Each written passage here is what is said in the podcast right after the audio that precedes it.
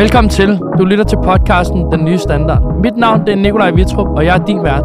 I dag har jeg inviteret chefredaktør hos Berlingske, Mette Østergaard, i studiet til en samtale om ledelse og digital transformation. Velkommen til, Mette. Mange tak. Og dejligt, du gad at kigge forbi. Med øh, grund til, at jeg øh, inviterede dig ind til, øh, til den nye standard, det handler jo i bund og grund om, øh, om dit syn på, på hele medielandskabet, den måde, du øh, leder virksomhed på, og dit syn på øh, hele karrierekvindedelen. Og den øh, har jeg jo været rigtig meget øh, i research-fase. Så nu skal jeg jo prøve at interviewe en, der er rigtig god til at interviewe, så det bliver spændende. Ja, men det, jeg synes, det virker som om, det skal nok gå. men det vil ikke prøve at sætte et par, øh, par ord på dig selv, hvem du er som menneske? Øhm, ja, hvem jeg er som menneske, det er jo sådan nok øh, et af de største spørgsmål, vi kan stille os selv. Det tror jeg, vi kan bruge hele livet på at svare på. øhm, men øh, jamen, jeg tror, jeg er et, øh, et meget nysgerrigt menneske. Øhm, og det er nok også derfor, jeg laver det, jeg gør. Øhm, jeg er også et øh, passioneret menneske, øhm, og, øh, og det er nok også derfor, jeg er, hvor jeg så er. Øhm, og, øh, og så håber og, og forsøger jeg virkelig også at være sådan et ordentligt menneske øh, som jeg jo også synes er, er væsentligt, når man skal lede mange mennesker, og man skal være en del af en offentlig debat, øh, og lede en virksomhed som Berlingske i det her tilfælde, som jo også er en, er en del af det samfund, øh, vi alle sammen øh, navigerer rundt i. Mm. Og der sker jo rigtig, rigtig mange ting for tiden, som du kan få lov til at holde. Ikke? Først der var der lige to år med corona, nu kommer der ja. lige lidt, lidt rigtig meget ballade, øh, desværre. Hvordan i forhold til, øh, da du startede hele din karriere, øh, der fik du øh, allerede din første journalistiske lederstilling, da du var 28 år. Er det korrekt? Det er rigtigt. Så det var jo relativt tidligt. Mm. Hvordan kommer man betragte til, øh, til sådan en stilling så tidligt?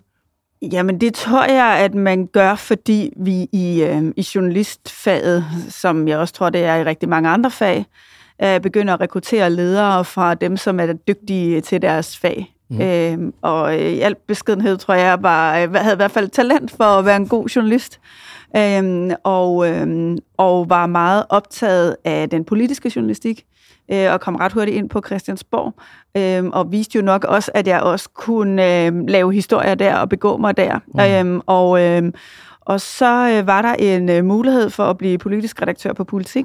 Mm. Og, øh, og den øh, greb jeg jo straks, jeg kunne, øh, selvom jeg kun havde været uddannet i et par år og var 28, og derfor også øh, den den yngste med mindst erfaring på den redaktion, øh, og så kom ind øh, helt uden ledererfaring, og, og tror jeg begik øh, alle tænkelige fejl, man kan som, øh, som ny leder, øh, men lærte jo også helt afsindigt meget af det.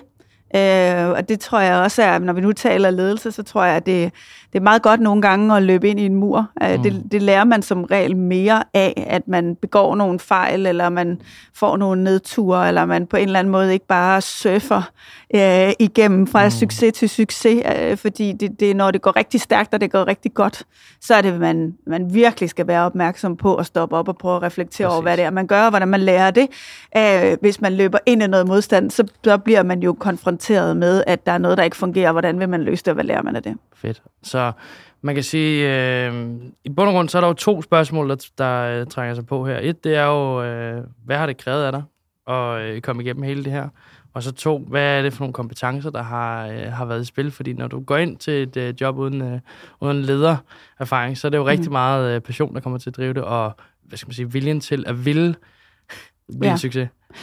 Ja, ja men det, det, det tror jeg er rigtigt, og jeg, jeg tror i hvert fald, det jeg oplevede, det var, at... Øh, jeg troede, at det der med at være leder, det var ligesom at gå ind og tage en anden kasket på, mm. og nærmest prøve at være en lidt anden personlighed, og især når man kommer ind meget ung og uprøvet, øhm, og så, øh, t- så tilegne sig en eller anden form af legitimitet via at være en autoritet. Mm. Og det er, øh, det er ikke altid den bedste vej, øh, for det er bare at sige, at nu skal vi den vej, jeg vil det her. Sådan, det er mm. meget svært at få folk til at gå med dig, øh, hvis du bliver mere dikterende på den måde. Så jeg lærte jo i hvert fald at, øh, at lytte øh, rigtig meget. Jeg lærte, hvad det betyder at kunne skabe sin egen kultur for faktisk at kunne motivere mennesker. Øhm, og jeg lærte jo også, at at det er meget vigtigt at have sin autenticitet med sig. Mm-hmm. Altså hvis folk ikke tror på det, man siger, hvis de ikke tror på, at det er, som, som du er, så er det meget svært at få nogen til at gå med dig. Mm. Øhm, og øhm, og det, det tror jeg, jeg lærte på den hårde, men også effektive måde. Øhm, og, øh, og derudover, jamen, så er der jo noget faglighed. Der er det der med faktisk at opbygge en legitimitet og en respekt omkring en, fordi man er dygtig til mm, det, man gør. Præcis. Og så er der jo den der skide stedighed om, at det skal simpelthen være løgn. Altså, jeg skal nok øh, finde ud af det. Jeg, øh, jeg kunne godt se, at jeg var ikke verdensmester, da jeg begyndte, men, øh, men jeg vidste, at hvis jeg øvede mig og øvede mig og øvede mig og blev ved og insisterede og nægtede at give op, så måtte der på et eller andet tidspunkt komme en, en mere sikker is at stå på. Øhm, og det lykkedes så også, men, men det lykkedes jo ikke uden en masse nederlag og sidde ude på toilettet og tude ind imellem, fordi det bare var også var vanvittigt hårdt. Mm. Øhm, og, øh, og der tror jeg, at, at man jo skal, øh, skal huske, at, at når man, øh, når man ser mennesker, som bliver bliver ledere gennem deres karriere, så, så har de jo også været igennem nogle faser, hvor mm. de også skulle lære det, og skulle øve sig i det, og, og blive dygtige. Mm. Og, og selvfølgelig er der sådan noget grundlæggende talent, men, øh, men der er også noget, øh, der, der er jo altid i sådan noget også bare noget hårdt arbejde. Altså, det taler jo ret meget imod, hvordan øh, hele øh, vores verden ser ud, medielandskab og så videre. Det her med at sidde og græde på et toilet, fordi det er ekstremt svært at anerkende sådan af, det er ekstremt svært. Det er jo ikke noget, vi... Øh, vi er super glade for at tale nej, altså, jeg, ret højt om. Nej, altså, jeg synes jo, vi lever jo i sådan en verden, hvor, som er meget poleret. Mm. Uh, vi lever i sådan en Instagram-verden eller en social medieverden, Præcis. hvor alt gerne må være lidt glitteret.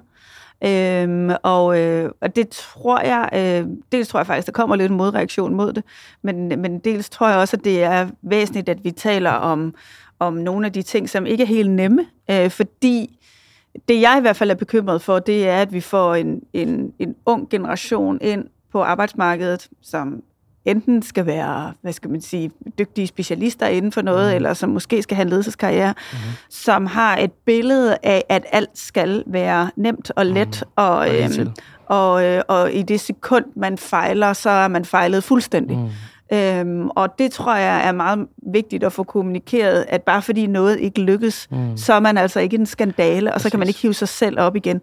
Øhm, og og der, er, der er de der polerede billeder, øhm, der kan de godt være lidt en hemsko. Mm. Øhm, og jeg ved det godt, jeg gør det jo også selv. Altså, jeg udstiller jo heller ikke alt muligt, der er grimt og hårdt og, og svært øh, øh, på mine øh, sociale profiler. Øhm, jeg har sådan en disclaimer på min Instagram, hvor der står, this is just the bright side of life, øh, for, for os lige at kommunikere om. Selvfølgelig er der også alt muligt, som, som øh, er besværligt, mm. øh, men det er jo som regel ikke det, vi har lyst til at dele ja. allermest med omverdenen. Men det er, også, det er jo også svært at, øh, at, at lægge, lægge alt det svære ud, fordi på den anden side, så er det også svært at vide, hvem fanden er det på den anden side, der har lyst til det, og det er jo, man, det er jo det, man bruger sin, sin sparring til mellem sine gode kammerater og venner, veninder, klart, øh, klart. mor og far. Ja. det bliver rigtig slemt. Øhm, jeg kunne godt tænke mig at hoppe over i medielandskab, og, og, og den vej, som det har ændret sig, fordi det har jo virkelig ændret sig, især under corona, mm. synes jeg, der har været, mm. det, det er blevet en anden måde, der er blevet kommunikeret på. Hvad, hvordan ser du hele øh, medielandskabet for, øh, for, for, hvordan vi kommunikerer? Altså, nu har du lige været inde på det i forhold til perfekthedskultur, mm. men hvordan med sådan det store hele, fordi corona har jo været primært politik, hvor at der har været envejskommunikation. Ja, det er jeg jo så som medierepræsentant lidt uenig i, øh, fordi jeg synes jo faktisk, at vi som medier har en, en kæmpe stor opgave mm. i hele tiden at stille spørgsmål og mhm. udfordre og være magtkritisk, øh, ligegyldigt hvem der har mm. magten. Øh, og, øh, og vi har stået i sådan nogle super dagsordner de seneste mm. år. Først var det corona, nu er det mm. krig. Mm. Øhm, og, øh, og det stiller jo nogle krav til os om, at vi på et tidspunkt, hvor øh, man som instinkt i befolkningen har det, at man gerne vil stå sammen. altså man vil gerne stå sammen i kamp mod corona, mm. man vil gerne stå sammen omkring Ukraine, mm. og, og, øh, og det er der jo øh, ikke ret, altså det er jo ikke ret mange, der vil være uenige i, ja. og det er jo en god grundpræmis. Men, men man skal også huske, at vores opgave som medie, det er jo så at stille spørgsmålstegn ved, hvordan løser vi det så? Mm. Bruger vi pengene rigtigt? Bliver der kommunikeret korrekt? Mm. Hvad er det for nogle data, vi baserer de her beslutninger på? Mm. Øhm, og, øhm, og det kan, for, for nogen kan det jo godt virke som sådan, går vi bare rundt og leder efter håret i suppen. Mm. Men, men vores grund-DNA er jo at være magtkritiske og mm. hele tiden forholde os til, om vi nu løser de kriser, vi står i, smartest og bedst muligt, mm. og bruger pengene fornuftigt, og mod det endemål, som, som vi er sådan set grundlæggende enige om. Mm. Netop, vi vil gerne have udryddet karine, øh, corona, vi vil gerne have, vi vil gerne have øh, fred i, øh, i Europa. Mm, ja, øhm, Og øh, det... Øh, Ja, så, så der synes jeg, at vi har jo en enorm væsentlig mm. opgave, og jeg tror faktisk også, altså vi kunne i hvert fald se en enorm tilstrømning mm. af læsere øh, under corona, ja. øh, fordi folk søger information, og vi prøver jo hele tiden at differentiere os fra de sociale medier mm. ved at sige, jamen hos os kan vi ikke bare Nej. smide alle mulige informationer ud. Nej. Vi har et, et juridisk, publicistisk, etisk ansvar for, mm. at de korrekte de oplysninger, vi har. Ja. Og det, at folk søgte mod de etablerede medier, som som har nogle rammer for, at det, vi skriver, skal være mm. rigtigt, og ikke bare kan være noget, der er nogen, der ja. nogle synsninger eller et eller andet, mm. man lige hiver ud af den blå luft.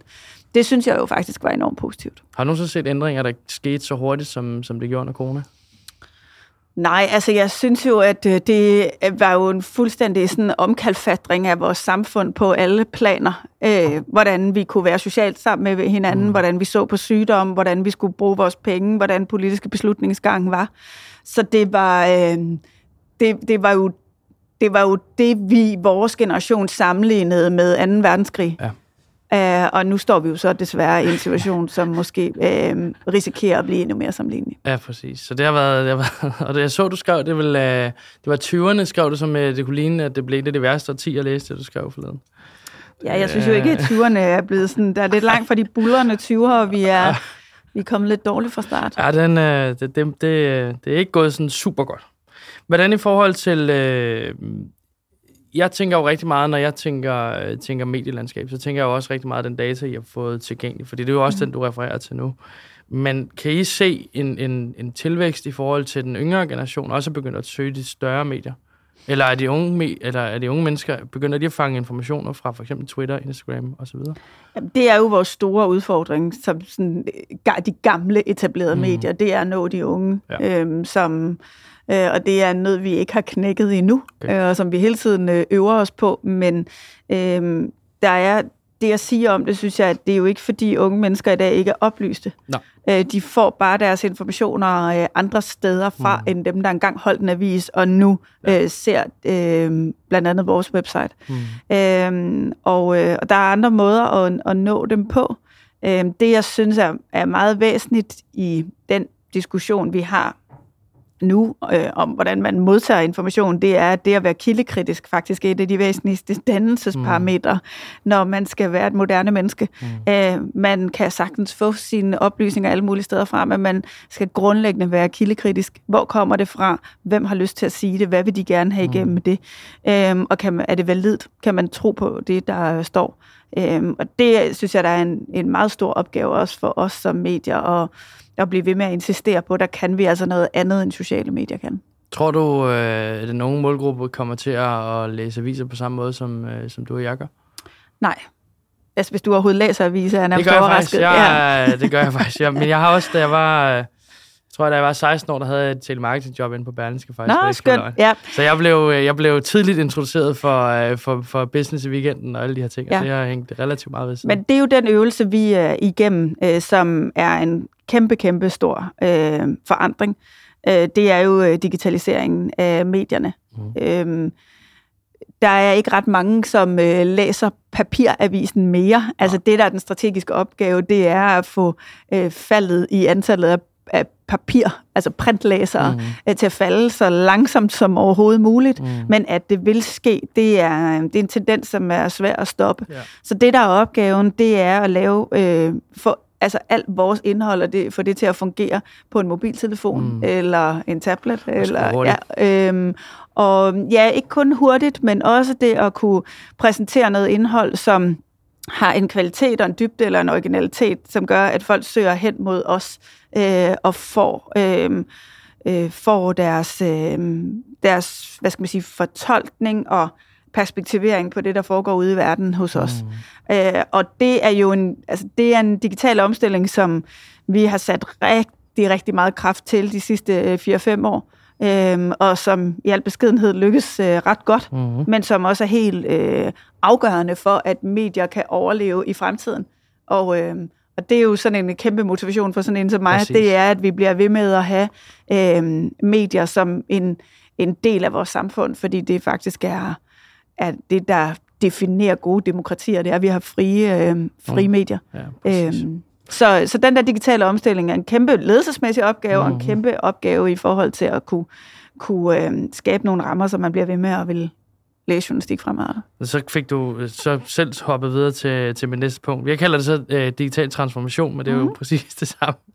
Ja. Øh, hvordan, fordi du siger jo også, at du selv som leder er ekstremt øh, motiveret på det. Hvordan, hvordan får du øh, formelt Hvad kræver det af dig at, at gennemføre både den proces og strategi? Fordi det er jo en... Altså, du, du skal jo lave om på hele grundpillerne af, hvordan Berlingske har været de sidste rigtig, rigtig mange år. Jamen altså, vi, øh, vi satte os ned for, hvad der, fire og et halvt år siden, øh, hvor, hvor jeg også begyndte på Berlingske og, øh, og, og så på, hvordan vi ville lave den her transformation. Og man har jo man havde talt om den i, øh, i flere år, og var noget et lille skridt, men havde ikke ligesom taget nogle grundlæggende valg.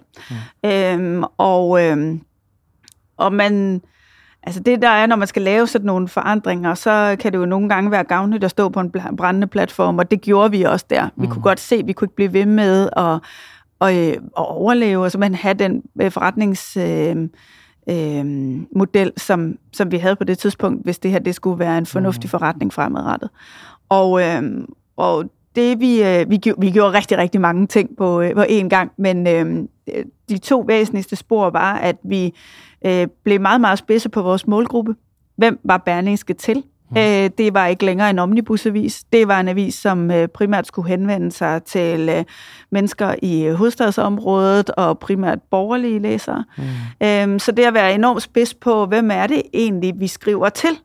og hvad er deres særlige interesser, og hvordan gør vi vores indhold relevant og væsentligt for dem. Mm. Det var et stort spor, og et andet stort spor var jo, at alt skulle være digitalt.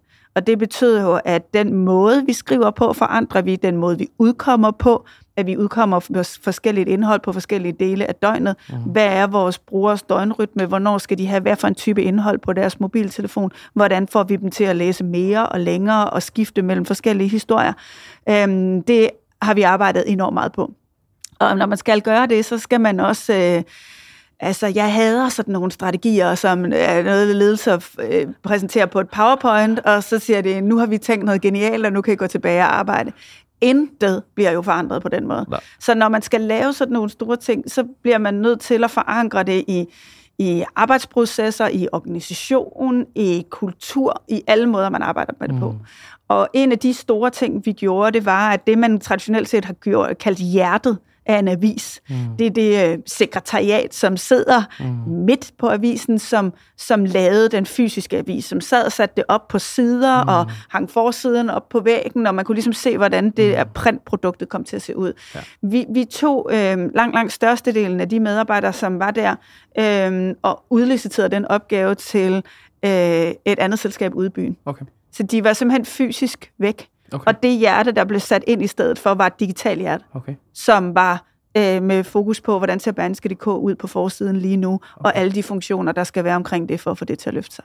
Øhm, og det var jo rigtig hårdt, fordi der er mange mennesker, der har været meget engageret mm. i den gamle model. Ja. Og der var nogle, det var både nogle andre mennesker, nogle andre kompetencer, det var en anden måde at, at og, hvad skal man sige, at, at have et døgn, et nyhedsdøgn, mm. struktureret nyhedsdøgn på. Ja. Men, men tror jeg også har været helt afgørende for, at nu tænker journalisterne altså ikke på, at de skal på forsiden af avisen. Nu tænker de på, Præcis. at de skal ligge på toppen af Berlingske.dk, og hvor mange læser dem på en mobiltelefon. Men det er også sjovt, fordi jeg kan huske, dengang jeg var i, i Berlingske Hus, nu har jeg ikke været der nær så længe, som du er, men jeg kan huske, der var også en, en, en helt speciel holdning til, til det derinde, for der er jo ikke nogen tvivl om, at hjertet var det, I solgte, det var avisen. Det var, ja. det, var det, det var. Ja. Så der var jo også noget med, med de journalister, der sad der. De skal jo også lige pludselig se, jamen det er ikke dit navn, der står i avisen fysisk hele tiden. Det er den digitale, og der kunne skrive ja. mange flere artikler. Og der altså. er rigtig meget historie i væggene, og Præcis. det er godt, man står ja. på et ekstremt Præcis. fundament, men Berlingske er et af Europas, måske et af verdens ældste aviser. Vi har mm. været der siden 1749. Ja, altså, hos Andersen har skrevet Berlingske, mm. vi, øh, vi, øh, vi rapporterede for uafhængighedskrigen. Øh, altså, det, vi, vi, vi, øh, vi har været der i så mange år, så mm. den historie Øh, den skal man bygge videre på. Man skal ikke bare tage den væk, men det betyder også, at der er et ekstremt stort kulturarbejde, når man skal lave så stor en forandring, som det, vi, øh, vi er igennem nu. Ja. Jeg kunne godt tænke mig at hoppe, øh, hoppe ned i virksomhed og personlig brand, for det er en af de ting, som jeg øh, præsenterede for dig, da jeg sagde, at jeg godt kunne tænke mig at have dig med også. Øh, og måden, jeg præsenterede det for dig, var jo det her med, at, at da Messi spillede i Barcelona, der endte Messi jo reelt set med at blive et større brand, end selve Barcelona var. Øh, når jeg kigger udefra på, øh, på Berlingske, så virker det også som om, I har jeres i jeres transformation valgt en eller anden form for en strategi, hvor at man placerer rigtig meget chefredaktøren, man, man øh, placerer også Tom Forrest, som Jensen, øh, Forrest. Er der, har I lavet en, en specifik planlægning med det her med at placere jer som værende et personligt brand i brandet? Øh, ja, det har vi, øh, og det tror jeg også handler om, at man, øh, man bærer et brand gennem nogle personligheder. Ja. Øh, og øh, det kan være, øh, altså, det kan være Søren Frank på mm. madanmeldelser, anne Sofie Hermansen øh, på kultur, og, øh, og Tom Jensen og jeg selv som chefreaktion mm. og så videre. Øhm, og øh, det handler jo igen om, at øh, når vi skal få folk til at interessere sig for vores indhold, så ved man jo godt, at det kan man også få dem til, hvis de synes, der er nogle mennesker, der er interessante, ja. eller de følger, mm. eller de på en eller anden måde får en grad af forhold til, og et mere grad af forhold, end, end man vil kunne få for, på, fra et ansigtsløst mm. øh, papir. Øhm, og, øh, og det tror jeg er en, er en, altså en tendens, man ser alle steder. Altså, øh, og, øh, og, øh, og altså hele influencermarkedet er jo eksemplet på mm. det, at der følger man jo personligheder af alle dele Præcis. af deres liv.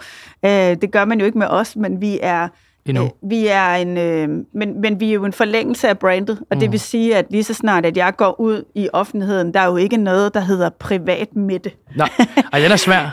øh, det, der er man jo der er man en forlængelse af den arbejdsplads, man er på, og bliver også en, en brandholder. Mm. Øhm, og, øh, og det, det, øhm, altså det, det, nogen vil jo kunne lide det, og nogen vil ikke kunne lide det, men nogen vil, altså man bliver i hvert fald tvunget til at på en eller anden måde forholde sig til de personer. Var det en del af arbejdsopgaven, da du tog øh, stillingen tilbage for...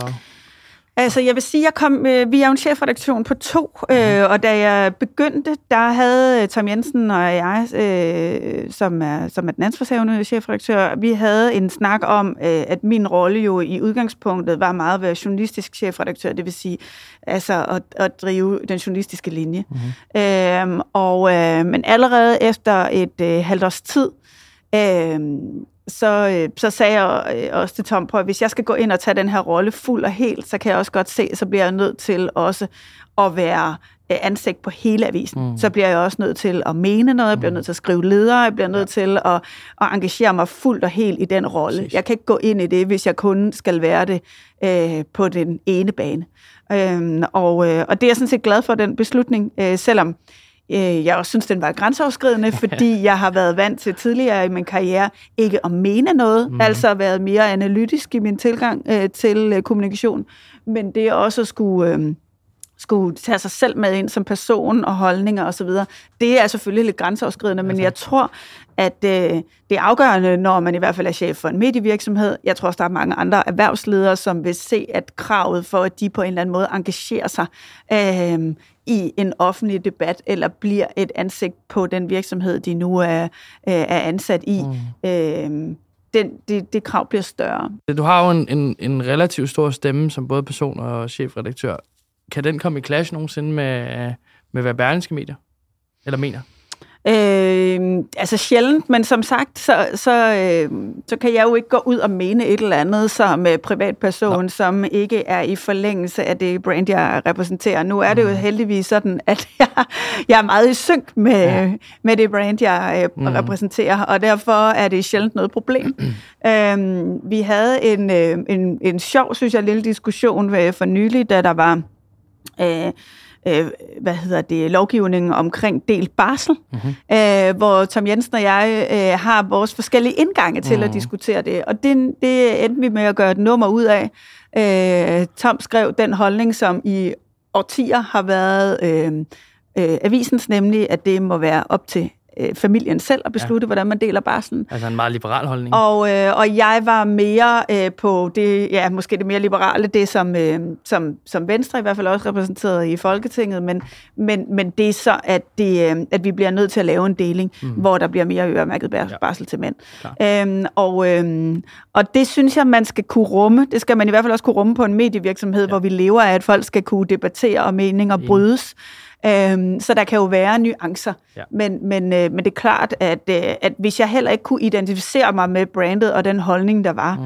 så er det også meget, meget svært at skulle gå ud og være øh, dels ansigt, dels leder, dels få nogen til at tro på, hvad det er, man står og siger, mm. både internt og eksternt. Men i vores kultur er der jo rigtig, rigtig mange skarpe vinkler lige pludselig, så der kan jo komme mange bolde i luften, hvor der reelt set kan komme et clash, uanset om man tror det eller ej.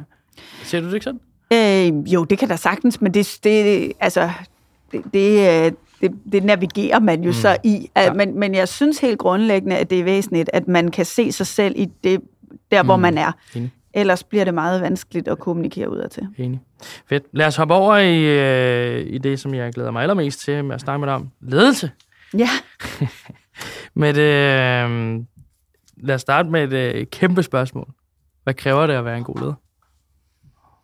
Uh, ja, det er jo et meget stort spørgsmål. der, er nogle, der er nogle pejlemærker, som man i hvert fald kan, uh, sådan man sådan kan falde tilbage på. Uh, for det første, så, uh, så tror jeg, at man skal være rigtig dygtig til at lytte, mm-hmm. og man skal være rigtig dygtig til at få folk til at arbejde sammen. Uh, særligt når vi arbejder i, hvad skal man sige, vidensvirksomheder, hvor vi har brug for, at folk er kreative og får nye idéer. Uh, jeg arbejder også ud fra øh, den øh, logik, at den første idé er aldrig er den bedste. Okay. Øhm, og, øh, og, øh, og det er jo også et, et, et måde at prøve at tage lidt hastighed ud og noget kreativitet ind. Øh, fordi vi kan sagtens sidde og tage mm. lynhurtige beslutninger, men er det rigtig gode beslutninger? Mm. Eller er de i hvert fald skubber de grænsen for, at vi bevæger os ud i ukendt land, eller er de kreative nok og originale nok? Hvis man ikke er kreativ og original nok, så bliver man bare spist af konkurrenterne. Hvad så, så, øh, men ja. clasher det ikke med den, hele det der mediebillede? Fordi det er jo mediebilledet i gamle dage på aviserne er jo, at det skal være deadline i går, og det er nu, nu, nu, nu. Jo, men det er klart, at vi arbejder med en hastighed som grundparameter. Præcis. Øh, men øh, det lærer man jo så at navigere i. Men, øh, men så kan det være, at det ikke tager... Altså, jeg taler jo ikke om hele og halvårs forløb. Jeg, jeg taler om, at nogen kommer med en idé på et møde, og man siger, mm. okay, det, det er interessant nok. Kunne vi, kunne vi prøve at anskue det fra en anden vinkel, eller kan vi prøve lige at forfine det, eller kunne vi prøve at tage nogen ind over for en anden afdeling, som måske har et andet syn på det. Øh, og så kan man faktisk forholdsvis hurtigt prøve at modellere noget hen, hvor det lige bliver 20 procent federe end det allerførste, man kom med. Og, øh, og den der insisteren på, at det ikke bare skal være øh, at det skal ikke bare være færdigt, men, mm. men det skal også kunne noget ekstra.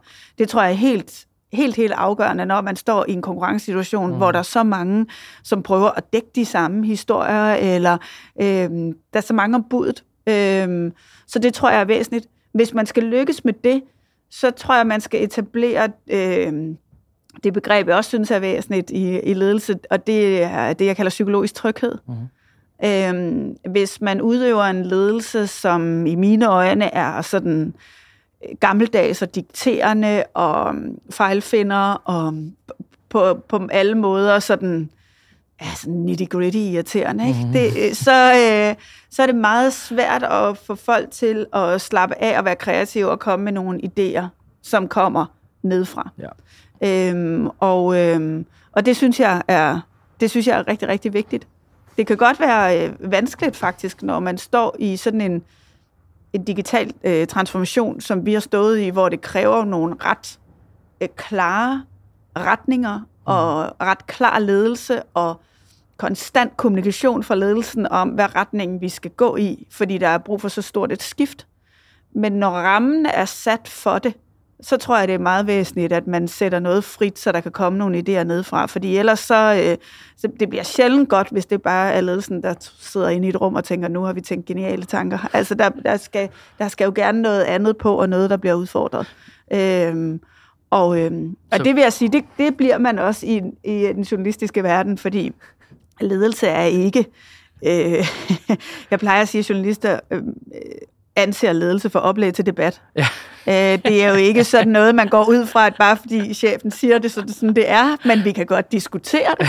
øhm, og øh, det gør jo også, at man øh, som, øh, som leder bliver tvunget til at netop få folk til at samarbejde, til at lytte, til at få noget til at spire, Øhm, og, og også lede meget på værdier, mm-hmm. fordi værdier kan være med til at sætte en ramme inden for, inden for hvilken øh, folk så kan, kan, kan løbe selv. Så at sige. Har I ændret værdierne, i, øh, siden du kom til?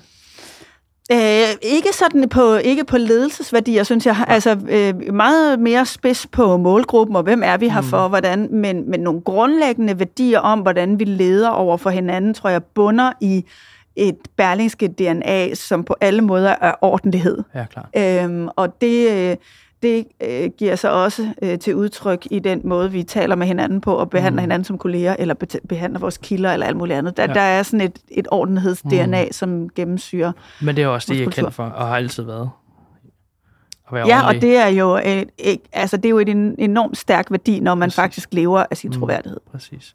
Men hvordan i forhold til, fordi det er jo, altså, det er jo, hele det her er jo klassisk, klasse eksempel i bund og grund på forandringsledelse, med typisk kommunikation, øh, give plads til, øh, hvad hedder det, øh, ofte øh, få noget debat op at køre, fordi det skaber ligesom tryghed i hele rummet. Mm. Har, har, har du læst ledelsesbøger, eller har du bare tænkt, nu, nu giver vi den gas, og så ser vi, hvor mange gange vi fejler, på så rammer den? Hvordan er du kommet hen, hvor du er? Ja, men jeg tror, at... Øh, jo, jeg har læst nogle øh, ledelsesbøger. Jeg har også taget det, der hedder en CBA, og ja. nogle forskellige ledelseskurser, og har mm. fået, hvad skal man sige, noget teori på. Mm. Øh, men jeg har også lært enormt meget af at være i en branche, som er i ekstrem forandring. Mm. Øh, og, og mediebranchen... Øh, står jo i en tid, hvor der er øh, brug for, at vi netop får sat de der rammer, strategiske rammer, mhm. forretningsmæssige rammer, for at vi kan overleve. Øh, og det, øh, det, det gør jo, at man virkelig bliver kastet ud i nogle ting, hvor jeg tror, ledelse kan man, man kan, man kan lære meget. Det er mhm. et fag, man skal tage alvorligt. Ja. Jeg tror også, der er rigtig meget, der ligger i intuitionen, mm. og det menneske, man er, og det måde, man møder andre mennesker mm. på. Og det skal man virkelig huske at bære med sig. Det var i hvert fald en af mine læringer fra nogle af mit første ledelsesjob, hvis jeg prøvede sådan at gå ind og tage en kasket på og sige, nu er jeg chef. Mm. Jo, men, men, men, men den der sådan helt grundlæggende tanke om, at, at nu er vi to mennesker, der møder hinanden, og hvordan får vi ligesom noget mm. godt ud af det? Hvordan kommer der et godt samarbejde og noget produktivt ud af det? Ja. Det tror jeg er sådan en helt grundlæggende parameter, som man bliver nødt til at bære med sig, den der autenticitet, som jeg taler om. Klar så skal man jo selvfølgelig som leder være bevidst om, at, at man også har et ansvar for at tage beslutningen og sætte en ramme og sætte en retning. Mm. Og øh, det tror jeg også er et væsentligt parameter for god ledelse, det er, at der er en forventningsafstemning. Altså det, at, man, at, at alle ved, hvad bliver der egentlig forventet af mig i den her mm. rolle. Ja. Øh, og så kan man løfte det på forskellige vis. Klar. Men det tror jeg er et af de, altså det er de største faldgrupper til stress, for eksempel det er, hvis, hvis man ikke har en klar idé om, at man er i et, altså et psykologisk trygt område, hvor jeg ved, hvad der bliver forventet af mig. Mm. Men har du selv været ramt af, af, den, af den form? For, altså stress er jo et, et stort ord. Det kan jo være, være ja. alt fra svedture til sort for øjnene, til at man ligger sig helt. Ja. Har, du har, været, har du været ramt af det her undervejs? Jeg har, været, jeg har, jeg har ikke været, hvad skal man sige, øh, stressramt på den måde, at jeg har, at jeg er gået ned og har haft brug for at trække stikket i en længere periode, men, men, øh, men jeg havde en, en, hvad skal man sige, ret udfordret periode øh, der i mit første ledelsesjob, øh, fordi jeg oplevede enormt meget modstand, og det mm. tog mig øh, lang tid, før at jeg fik fik styr på det, og, mm. og kunne skabe netop min egen kultur, og, og kunne navigere i det. Øhm, og, øhm, og der gik jeg til en psykolog på et tidspunkt, mm. øhm, øh, som sådan kiggede på mig og godt kunne se, at jeg var virkelig presset. så er, er du sikker på, at du skal have det der job? Øh, og så kiggede jeg på hende og sagde, prøv at høre, jeg er her for at lære nogle redskaber til, hvordan jeg håndterer det. Jeg er her ikke for, at du skal hjælpe mig med at bæle ud, og hvis du ikke kan hjælpe mig med det, så må jeg finde en anden. Men det er ikke, altså jeg er her ikke for at få sådan en øh, kattelem til at løbe ud af bagdøren. Så der var hele den der, du øhm, vil ikke fejle på den der? Ja, og det havde jeg så brug for nogle redskaber til at blive dygtigere til at kunne mærke mig selv og have mig selv med, med i det. Men jeg havde ikke brug for sådan en kattelem til at sige sådan, oh, okay, det er måske også nemmere, at du bare smutter ud af det job, og så får lidt ro på. Øhm, men, men, det, men, men det at være igennem en, en periode, hvor man hvor man bliver stresset, og man kan have hjertebanken, og man bliver grødlabil, og man er presset på alle måder. Det gør jo, at man øh, opfanger de signaler i sin krop, når man øh, kan være på vej derhen igen. Øhm, og jeg har ikke været derhen igen på samme vis, men jeg kan jo mærke, hvis der er perioder, hvor det går meget, meget stærkt, mm. eller der er andet, og jeg lige pludselig begynder at reagere på en måde, så godt ved, nu, nu, nu skal jeg lige have mig selv med, og nu er der nogle ting, jeg skal være opmærksom på. Så, så øh, det, det er jo aldrig sundt at komme derud, men det er sundt at lære, hvor ens egen grænser er. Så det er jo et, øh, et ret spørgsmål. I forhold til kultur, kan jeg godt tænke mig at hoppe ind, fordi du, du nævner kultur rigtig mange gange, så det ja. betyder, at du kører jo rigtig, rigtig kulturdrevet ledelse, kan jeg jo næsten uh, gætte Ja, det er jo i hvert fald værdibaseret ledelse, Præcis. det synes jeg er meget væsentligt. Mm. Øhm, ja. Kan du ikke prøve at beskrive uh, den kultur, som du ønsker at, at have? Så kan, du, kan vi jo ringe rundt til... Jo, jo, så må du spørge nogen, om det er helt det modsatte, der foregår. Det tør jeg ikke. håber jeg ikke. Nå nej, men jeg, øh, jeg ønsker jo en kultur, som er meget, øh, altså helt klichéagtig frihed under ansvar, altså som er tillidsbaseret, som mm. er øh, med en tro på, at vi har nogle enormt dygtige medarbejdere, mm. som er specialister inden for hver deres område. Og jeg er ikke lige så dygtig til at, at, øh, at dykke ned i, i øh, et eller andet emne. Altså, hvad det så kan være. Om det er renteudviklingen, mm. eller det er klimaudfordringerne, ja. eller det er socialpolitik, eller det, hvad, hvad det nu mm. kan være. Øhm, og, øh, og der synes jeg netop, det, det, det er rigtig vigtigt, det er at skabe nogle rammer, og vise, hvor man selv står. Øhm, og så netop lade den tillid og den tryghed, der er i det, få nogle idéer til at vokse. Øhm, og det, det synes jeg er er ret afgørende for at kunne øh, drive en virksomhed, som er så afhængig af mennesker, mm. øh, som det at lave en avis er. Hvordan gjorde du under corona med, med hele din kultur? Mistede du noget af din kultur, da det var, corona kom? Altså, når, jeg formoder, ja. at mange af jer røg, røg hjem. Ja, men lige pludselig sad vi jo og lavede avis for 200 satellitter. Altså, det er, en, jo en, en ret udfordrende opgave. Øhm, vi gjorde det, at vi... Øhm, at vi lavede sådan nogle, øh, nogle faste holdepunkter i løbet af dagen. Det vil mhm. sige, øh, der er, er morgenmøde, man stempler ind i digital. Der er en efterkritik, som jo er sådan et helt etableret øh, Øh, hvad hedder det, ledelsesinstrument og parameter i, øh, i journalistiske virksomheder. Mm. Det vil sige, at man mødes en gang om dagen og taler om, hvordan det går. Okay. Øhm, og, øh, og det holdt vi fast i. I den første periode gjorde jeg det meget på skrift, siden gjorde vi det på digital rum, mm. for øh, hele tiden at, og, øh, at være sikker på, at der er faktisk en, en hverdag, og vi har trods alt en grad af fællesskab, mm. selvom vi sidder spredt ud. Og hvad, igen forventningsafstemning, går det egentlig godt, går det dårligt, hvor, hvor vi er super gode, hvor skal vi ligesom forbedre noget?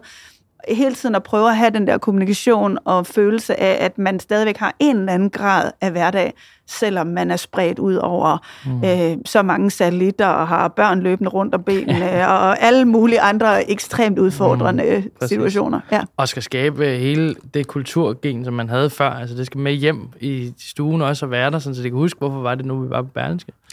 Der så var jo bare øh, det der, det, der er med, øh, med nu, når der er krig i Europa, og det, der også er, var med corona, det er jo, at øh, journalist, Journalisterne har jo et grundlæggende formål og gen om at være med til at oplyse, hvad der sker i samfundet, og kritisk forholde sig til det. Og det vil sige, at da alt lukkede ned, der tror jeg, at der var meget få journalister, som tænkte, nå, det var det, vi lukker også. Der var jo en helt grundlæggende øh, altså ild og motivation i, nu sker der nogle fuldstændig omkalfatrende begivenheder mm. i vores samfund. Selvfølgelig er det en kæmpe opgave for os. Mm. Øhm, og, og det betød, at vi ret hurtigt kunne få ret meget kraft ind i at forholde os til, hvordan bliver det her løst? Bliver det løst fornuftigt? Kan vi prøve at diskutere det? Hvad sker der? Der er en oplysning, mm. men der er også et kritisk blik på, hvordan det udvikler sig. Ja. Øhm, og, øh, og der er man jo der er man jo begunstiget af, at man har medarbejdere, som er drevet af et formål. Mm. Og det formål var faktisk sat i spil i den situation. Så du havde ekstrem motivation fra dag i dag, faktisk? Ja, og, altså, og det kan man jo ikke sige, at alle har, fordi Nej. det var også, altså, jeg synes, det var altså, jeg vil sige, at jeg er vant til at have mange bolde i luften, men det der med at skulle du ved, hjemmeskole en 8-årig og passe en 4-årig med den anden arm, og sidde og høre, øh, køre otte online-møder og en avis samtidig. Altså, det, det der det er noget af det mest absurde, jeg nogensinde har prøvet. øh, så, og sådan var alle jo udfordret, ikke? Og man kom jo ind i de der online-møder, ind i alle folks stuer, og lærte mm. alle børn, hinandens børn at kende, og sådan noget, for alle været rundt i det der billede, ikke? Og, øh, og, øh, og så det er jo ikke, fordi det ikke var en udfordring. Men, øh, men, men der var sådan noget, der var sådan noget, noget grundlæggende idé om, hvorfor er vi her egentlig, mm. som faktisk bliver aktiveret i sådan en situation. Fantastisk. Skal vi ikke lige hoppe over i øh, lidt fejlkultur? Ja. Hvad øh, din største fejl som leder? Eller du må gerne komme med flere, hvis du tænker, at der kan fejle mange. Ja. Nå, nej, men jeg, jeg, jeg tror, jeg bliver nødt til at gribe netop til den der, øh, til, til, til min, min, min første ledelses øh, erfaringer igen, ikke? Som, som netop handler om, om det der med at, at tro, at man skal måske sådan, man, at man kan opbygge legitimitet bare ved at sige, at man har den. Øh, det, øh, det, det er jo noget, man skal gøre sig fortjent til, mm. og det er mm. noget, man skal vise, og det er noget, man skal opbygge. Øh, og øh, og det, det tror jeg er en, det er en stor fejl at, øh, at ikke at gøre det. Mm. Øhm, og så det der med ikke at have sig selv med. Altså virkelig have sin autenticitet og sin egen personlighed med. Ikke fordi man skal være privat, men man må gerne være personlig. Ja, præcis. Øhm, og det, øh, det, det tror jeg kan øh, generere øh, ret meget øh, energi, og det er også øh, naturligt for mig. Jeg tror også, hvis man ikke synes, det er naturligt, så bliver det jo også, så bliver det jo heller ikke autentisk. Mm, altså, så man skal, jo, man skal jo bruge sig selv på den måde, øh, man finder bedst, men jeg tror ikke, man kan lade være med at bruge sig selv. Klart, jeg er enig. I forhold til, øh, nu havde vi jo en, øh, en, præ, en præ-telefonsamtale inden, øh, inden i dag, og der var en af de punkter, vi snakkede om, det var det her øh, ord, som hedder karrierekvinde. Ja. øh, jeg synes jo, øh, det var ret sjovt, fordi det er sjældent, jeg, øh, jeg tænker ret meget over, at det er, det er anderledes end at være karrieremand. Mm. Men det er jo rigtig meget anderledes, så det, det fik du framet rigtig, rigtig hurtigt for mig, øh, hvordan dit syn var på det. Så øh, nu kommer jeg til at stille dig et, øh, et, et, et, et skarpt spørgsmål, så må du øh, uddybe det efter. Er karrierekvinden et negativt lavet ord i øh, 2022? Øh, det er i hvert fald sådan lidt fortærsket ord, tror jeg. Øh, jeg synes, øh, jeg har et lidt ambivalent forhold til det. Mm. Øh, fordi øh, på den ene side synes jeg, det er sindssygt irriterende at tale mm. om. Ja. Altså fordi, øh, fordi der jo implicit ligger i det, at, øh, at jeg angriber min rolle anderledes, end mm. en mand vil Præcis. gøre. Øh, Øh, og, øh, og det kan jo, og man bliver vurderet på nogle andre ting. Ikke? Man bliver hele tiden spurgt om, hvordan i alverden får du til at hænge sammen med de der børn. Og, øh, og, øh, og det er meget sjovt, jeg har en kæreste, som også er chefredaktør, også er alene far til to børn, ligesom jeg er alene mor mm. til to børn. Han får jo aldrig det spørgsmål, selvom ja. vi står i nærmest ens situationer. Ikke næsten stå i det samme interview. Øh, og øh, ja, og, og det er jo øh, det, det er jo fordi den der perception af, at der stadigvæk er nogle nogle barriere, der skal brydes. Øhm, og det er jo nok heller ikke helt forkert. Mm. Og det er også derfor, jeg har lidt ambivalent forhold til det. Øh, på den ene side, så, øh, så, så kan det godt være sådan lidt irriterende hele tiden at skulle forholde sig til. På den anden side kan jeg se, at vi er ikke igennem nogen mm. alle de barriere. Og, og jeg kan også se, at hver gang jeg taler om det, øh, så får jeg tit henvendelser, især fra yngre kvinder, som siger, gud, var det fedt, at mm. du gør det. Og, altså, og der er nogen at spejle sig i. Og, sådan. Og, øh, og selvom man kan synes, at, at man, altså, man personligt ikke er en eller anden rollemodel, eller, eller andet, man skal på den måde sådan prøve at frame, så må jeg også bare sige, at der er nogen, der har brug for at spejle sig i noget af det, man gør. Mm. Og så længe der er det, så er der faktisk brug for, at vi tager den snak. Øhm, og øh, så, øh, så ja, jeg har lidt ambivalent med det, men, men jeg anerkender også, at vi ikke er så meget i mål, at vi kan lade være med at tale om det. Præcis. Altså jeg synes jo, øh, og det er jo også en af grundene til, at vi tog dig ind, du er jo en rollemodel for rigtig, rigtig mange, og der vil jeg så sige både mænd og kvinder. Så der vil jeg ikke... Øh, men jeg tror også, jeg tror for, for, øh, for min egen øh, regning, og det, det er virkelig for min egen øh, regning, jeg tror, min største udfordring med, med hele det her snak med mænd og kvinder, det er, at jeg vokser op i en verden, hvor at, at jeg føler ikke, at der er forskel. Men Præcis. jeg kan godt se omkring mig, at, at hele det der gamle, især med MeToo og alt det, der kommer ud af skabene, ja. jeg kan godt se, at der er et gigaproblem. Ja. Men jeg, bare ald- jeg er ikke blevet opdraget til, at, at der er forskel. Nej, og det er jo godt, og, ja. og sådan bliver det forhåbentlig, forhåbentlig. Med, også med øh, de yngre og kommende generationer. Uh, men man må jo bare sige i forhold til uh, det hårde statistik, hvis mm. du kigger på bestyrelsesposter, ledelsesposter, uh, alt muligt andet, uh, så er det unaturligt, at vi har, uh, vi har afsindigt go- godt uddannede kvinder Præcis. herhjemme. Og, og hvad er det, der går galt i, øh, i overgangen fra uddannelsessystem mm. til, øh, til arbejdsmarkedet, øh, når der er så mange, som ikke øh, enten kan eller vil, eller har lyst til at påtage sig en, øh, en ledelsesrolle. Mm. Øh, og det er jo en, det er en udfordring, vi bliver nødt til at diskutere, og, og hvor der også er alle mulige parametre, som, som vi må erkende fortsat er der.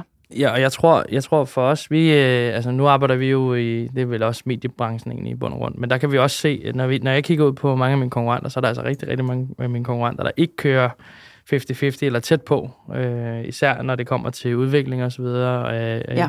så, så er det som om, at, at de her lidt tungere jobs, det er meget besat af mænd. Og, og vi har jo herinde altid gjort en død af at sige, at diversitet er ekstremt vigtigt i forhold til, vi bliver nødt til at have begge sider af det, fordi ellers så får vi kun det svar, som jeg selv måske har tænkt. Ja. Så vi bliver nødt til at have den der diversitet i forhold til, at jeg kender en arbejdsgør på en måde, men hvis jeg nu gerne vil have et andet syn på det, så skal jeg gå og spørge en, der er 30 år gammel, også mand, og som ser verden på samme Præcis. måde, som jeg gør. Og jeg tror, det er den rigtige måde at anskue diversitet på, fordi man kan godt anskue diversitet alene som tal. Skal vi have 40% kvinder i bestyrelse? Skal vi have 50-50 mm. ansættelser i noget? Øhm, og, øh, men, men det, jeg synes er øh, og, og det kan der være pointer i, at vi har en, mm. en forskellig, øh, vores kolleger ser forskellige ud, men det, der er rigtig vigtigt, det er jo, at vi tør holde fast i den diversitet. Præcis. Øh, jeg kan også se øh, kvinder, øh, som kommer ind i ledelsesposter, og lige pludselig tror, de skal være små mænd. altså begynder at tilegne sig en kultur ja. øh, og en måde at være leder på. Øh, og, og så må jeg sige, jamen, hvad er så pointen? Præcis. Altså pointen må jo netop være, at vi tror på, at der i diversiteten ligger forskellige tilgange til at tage beslutninger eller, eller anskue udfordringer, øh, som giver os en bedre løsning. Mm. Øh, så derfor siger jeg jo også mange gange, hvis jeg taler med kvinder i netværk og sådan noget, hold nu fast i, mm. hvem I er, og tro på, at noget af det, I gør anderledes, mm. øh, det er en gevinst Præcis. I, I stedet for, at I tror, I skal ind og, og tilpasse jer fuldstændig en kultur, Præcis. der er i forvejen, så er vi faktisk lige vidt. Ja, for så ændrer det jo ikke noget. Nå, men det, i, øh, i telefonen, der sagde du også, øh, at du øh, var super motiveret på at tale om bagsiden med medaljen.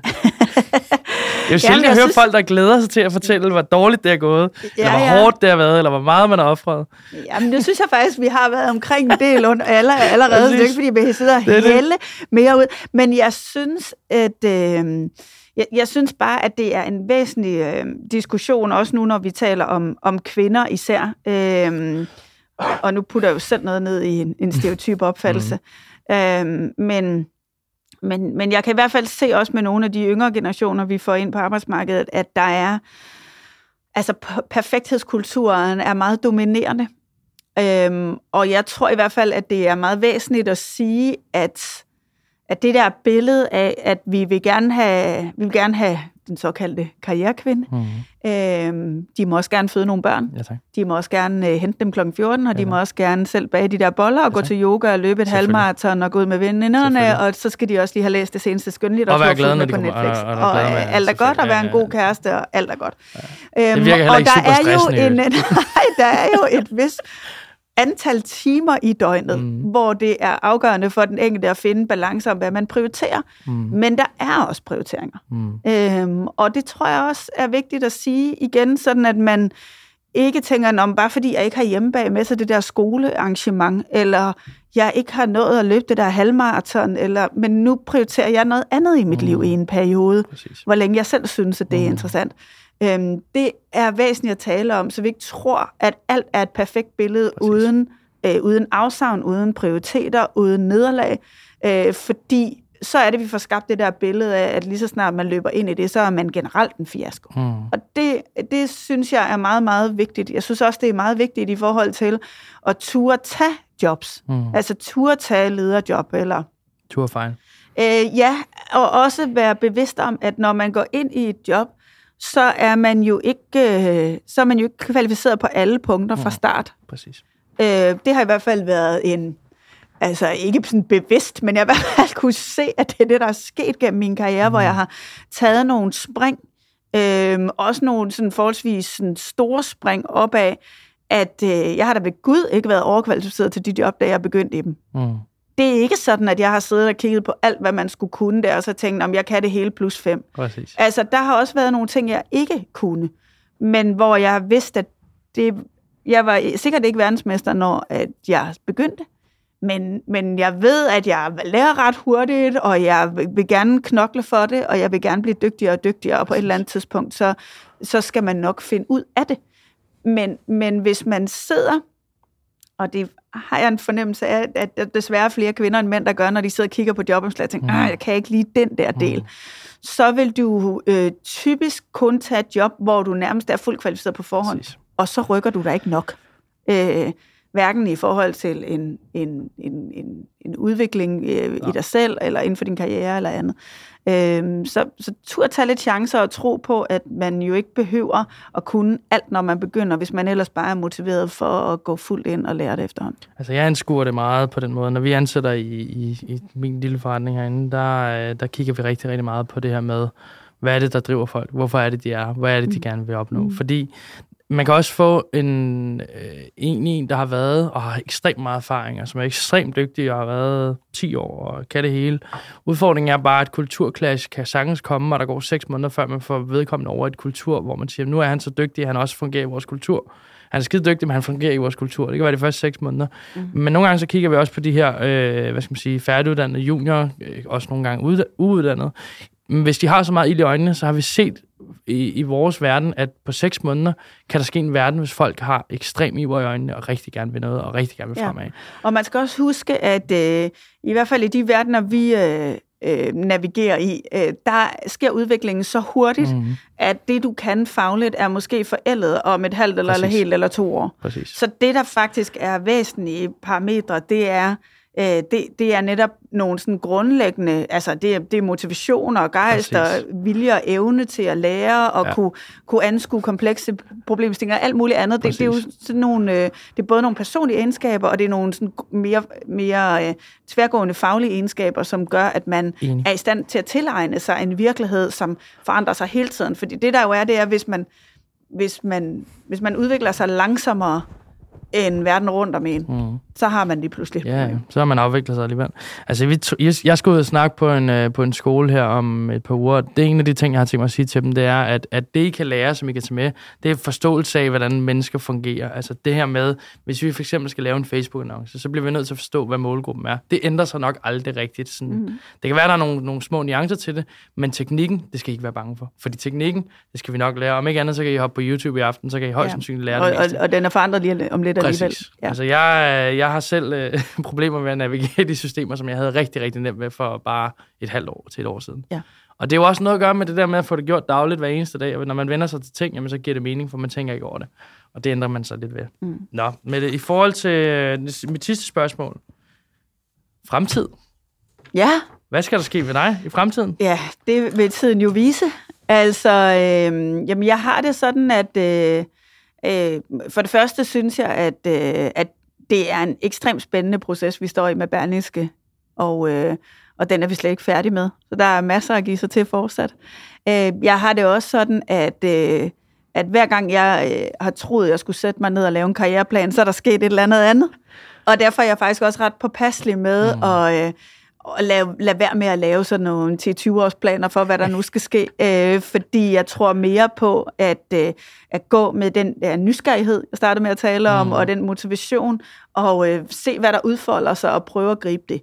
Øh, så øh, ja, det må tiden vise. Fantastisk. Tusind, tusind tak, fordi du gad at deltage. Men, tusind tak, fordi jeg måtte komme.